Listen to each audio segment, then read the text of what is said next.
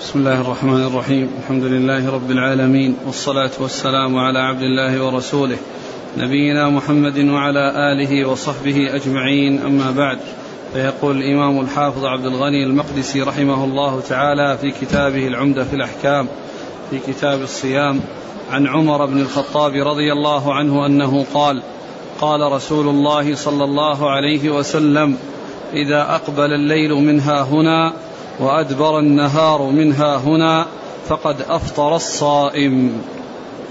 بسم الله الرحمن الرحيم. الحمد لله رب العالمين وصلى الله وسلم وبارك على عبده ورسوله نبينا محمد وعلى آله وأصحابه أجمعين. هذا الحديث عن عمر بن الخطاب رضي الله عنه من الأحاديث التي فيها بيان وقت الإفطار وأنه إذا أقبل الليل من ها هنا يعني من جهة المشرق وأدبر النهار من ها هنا يعني جهة المغرب. وفي بعض الألفاظ وغربت الشمس فقد أفطر الصائم. يعني هذا وقت الإفطار لأن الصيام له بداية وله نهاية. فبدايته طلوع الفجر ونهايته غروب الشمس. والعبادات أنيطت بأمور ظاهرة. يعرفها الخاص والعام. لا تحتاج إلى ذكاء وفطنة وخبرة. فالعبادات أنيطت بأمور ظاهرة. فالصيام يبتدي بطلوع الفجر وينتهي بطلوع الشمس. وقد بين النبي صلى الله عليه وسلم في هذا الحديث أن الشمس إذا أن أن الليل إذا أدبر إذا النهار إذا أدبر من ها هنا إلى المغرب والليل أقبل من ها هنا من المشرق فإنه يكون قد حصل أو جاء وقت الإفطار. ف فالإنسان إذا إذا كان صائما وجد شيئا يأكله فإنه يأكل يتناول شيئا يأكله يفطر به. وإلا فإنه ينوي الإفطار وإن لم يأكل شيئا لأن وقت الصيام قد انتهى. وكما هو معلوم أن أن أن أن, أن العبادات نطت بأمور ظاهرة في الصوم وفي الصلاة وفي الحج كل ذلك يعني منوط بأمور ظاهرة معروفة للناس جميعا في الحضر والسفر والحضر والبدوي والخاص والعام كل يعرف كل يعرف ذلك.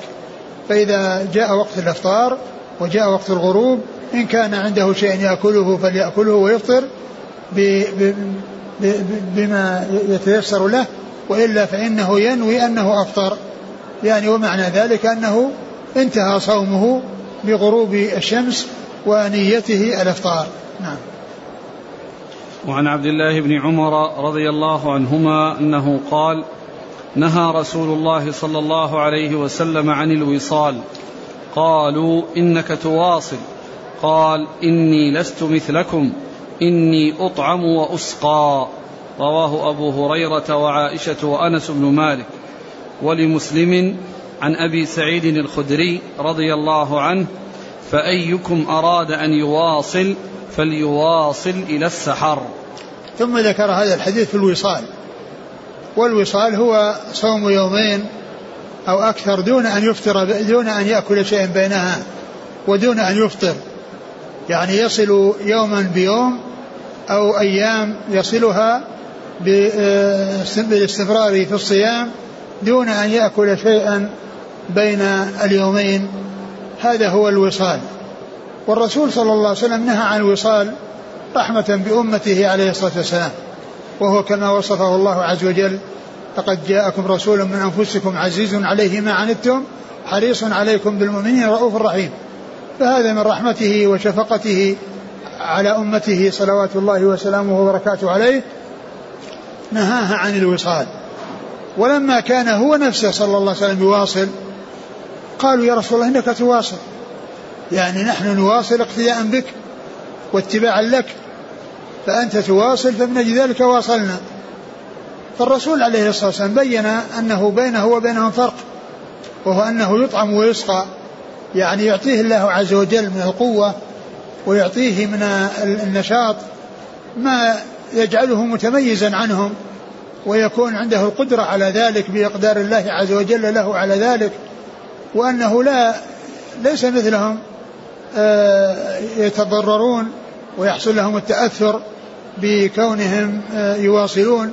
فالرسول عليه الصلاة والسلام منعهم وقالوا إنك تواصل فأخبر أنه ليس مثلهم وأنه يطعم ويسقى. يعني بما خصه الله عز وجل به وبما أعطاه الله من القدرة على على الوصال. وقد جاء في بعض الروايات أنه آه، أراد أن يبين لهم آه، حصول المضرة عليهم. فكان في آخر الشهر فواصل بهم يوما ثم يوما ثم رأوا الهلال. قال لو تأخر الهلال لزدتكم كالمنكل لهم. يعني يريد أن يبين لهم أنهم لا يستطيعون. وأن في هذا فيه مشقة وأن هذا الذي نهاهم عنه فيه مصلحة لهم ودفع للضرر عنهم فأراد أن يوقفهم على هذا الشيء الذي آه، آه، نهاهم عن الوصال من أجله وهي أنه يشق عليهم وأن في ذلك مضرة لهم ف فبين لهم عليه الصلاة والسلام بالفرق بينه وبينهم ودل هذا ودل هذا الحديث على النهي عن الوصال وأنه لا يجوز لنهي النبي صلى الله عليه وسلم عن ذلك. ولكنه جاء في حديث أبي سعيد جواز الوصال إلى السحر. يعني من أيكم أراد أن يواصل فليواصل إلى السحر. يعني يضيف الليل إلى النهار ويمسك من طلوع الفجر إلى طلوع الفجر أو إلى قرب طلوع الفجر بحيث يتسحر لليوم الثاني ولا يصل يوما بيوم. فمن أراد أن يواصل فليواصل إلى السحر. لا يزيد على ذلك. وأما رسول الله صلى الله عليه وسلم فإنه يواصل الأيام يعني بعضها وراء بعض دون أن يأكل شيئا. والله تعالى أعطاه القدرة على ذلك ومكنه من ذلك صلوات الله وسلامه وبركاته عليه. ثم إني أنبه على شيء وهو أن بعض الناس عندما ينتهي الإمام من خمس خمس تسليمات في صلاة التراويح ينصرفون.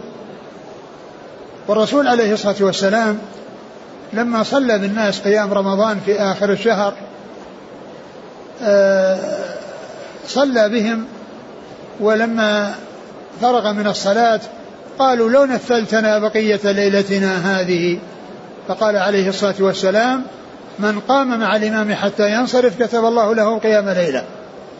فدل هذا على أن الإنسان إذا صلى مع الإمام واستمر معه حتى ينصرف فإن الله تعالى يجازيه ويثيبه بأن يكتب له قيام ليلة كاملة فضلا منه وإحسانا فهذا يدلنا على أن الذي ينبغي للإنسان أن يتابع الإمام وأن يصلي مع الإمام حتى ينتهي من الصلاة.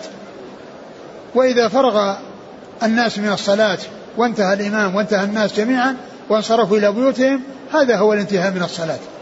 أما من صلى خمس تسليمات أي عشر ركعات في الأول ثم جاء إمام آخر يعقبه ويقوم مقامه ويتحول الإمام إلى كونه مأموم يعني وراء الإمام الثاني فهذا ليس بانصراف ولا يدخل تحت قوله صلى الله عليه وسلم من قام مع الإمام حتى ينصرف كتب الله له قيام ليلة. ولو أنه كان ثلاثة أئمة أو أربعة أئمة فهل ينصرف مع الأول ويقال خلاص الإمام انصرف؟ الانصراف إنما يكون بالفراغ من الصلاة وبالانتهاء من الصلاة. ومن المعلوم أن النبي عليه الصلاة والسلام كان لا يزيد في رمضان ولا غيره على 11 ركعة كما جاء عن عائشة رضي الله عنها وأرضاها. والمعروف عنه صلى الله عليه وسلم أنه ما كان يزيد على 13 ولا ينقص عن سبع. كل صلواته بالليل لا تتجاوز هذا العدد ولا تنقص عن هذا العدد. لا ما كان يزيد على 13 وما كان ينقص عن سبع صلوات الله وسلامه وبركاته عليه. لكن الرسول صلى الله عليه وسلم ما أوجب هذا الذي فعله ما أوجبه بل جاء عنه ما يدل على جواز الزيادة على ذلك. وهو قوله صلى الله عليه وسلم صلاة الليل مثنى مثنى فإذا خشي أحدكم الصبح أتى بركعة توتر ما مضى. فهذا يدلنا على أن الأمر في ذلك واسع. ولكن الإنسان إذا صلى مع إمام يصلي أكثر من 11 أو من 13 فالذي ينبغي له أن يواصل معه وأن يستمر معه ليحصل الأجر والثواب على هذه الركعات التي صلىها مع الإمام وليكتب الله له أيضا قيام ليلته التي استمر استمر الصلاة فيها مع الإمام حتى ينصرف. هذا هو الذي ينبغي للإنسان. وبعض الناس قد ينفصل عن الإمام ولا يخرج ويجلس في المسجد يتحدث مع غيره. وهذا يعني ضرر كبير على الإنسان. وهذا من كيد من كيد الشيطان للإنسان. يعني يترك المواصلة مع الناس ثم يجلس يتحدث مع غيره فالناس يشتغلون في العبادة في عبادة مشروعة سائغة. جاء عن رسول الله صلى الله عليه وسلم ما يدل عليها ثم هو يحرم نفسه هذا الأجر وهذا الثواب مع تمكنه من ذلك لأنه جالس في المسجد يتحدث مع غيره. فالذي ينبغي للمسلم أن إذا صلى إذا صلى وراء إمام أن يصلي المقدار الذي يصليه. وسواء كان إماما واحدا أو إمام متعددين يتناوبون ويعقب يعقب بعضهم بعضا. لأن الإمامين بمثابة الإمام الواحد. لأن الجماعة إنما تنتهي بانتهاء الناس وبانصرافهم وسواء كان الذي يصلي به إمام واحد أو أئمة متعددون اثنان أو أكثر. فالحاصل أن الإنسان الناصح لنفسه الحريص على على يعني سعادتها وإفادتها لا يفوت هذا الخير على نفسه بل عليه أن يصلي مع الناس وأن يحصل يعمل على تحصيل هذا الأجر وعلى تحصيل هذا الثواب والله تعالى أعلم وصلى الله وسلم وبارك على نبينا ورسوله نبينا محمد وعلى آله وأصحابه أجمعين. جزاكم الله خيرا. بارك الله فيكم والهمكم الله. الصواب وفقكم الحق. نفعنا الله جميعا غفر الله لنا ولكم وللمسلمين أجمعين. سبحانك اللهم وبحمدك. أشهد أن لا إله إلا أنت.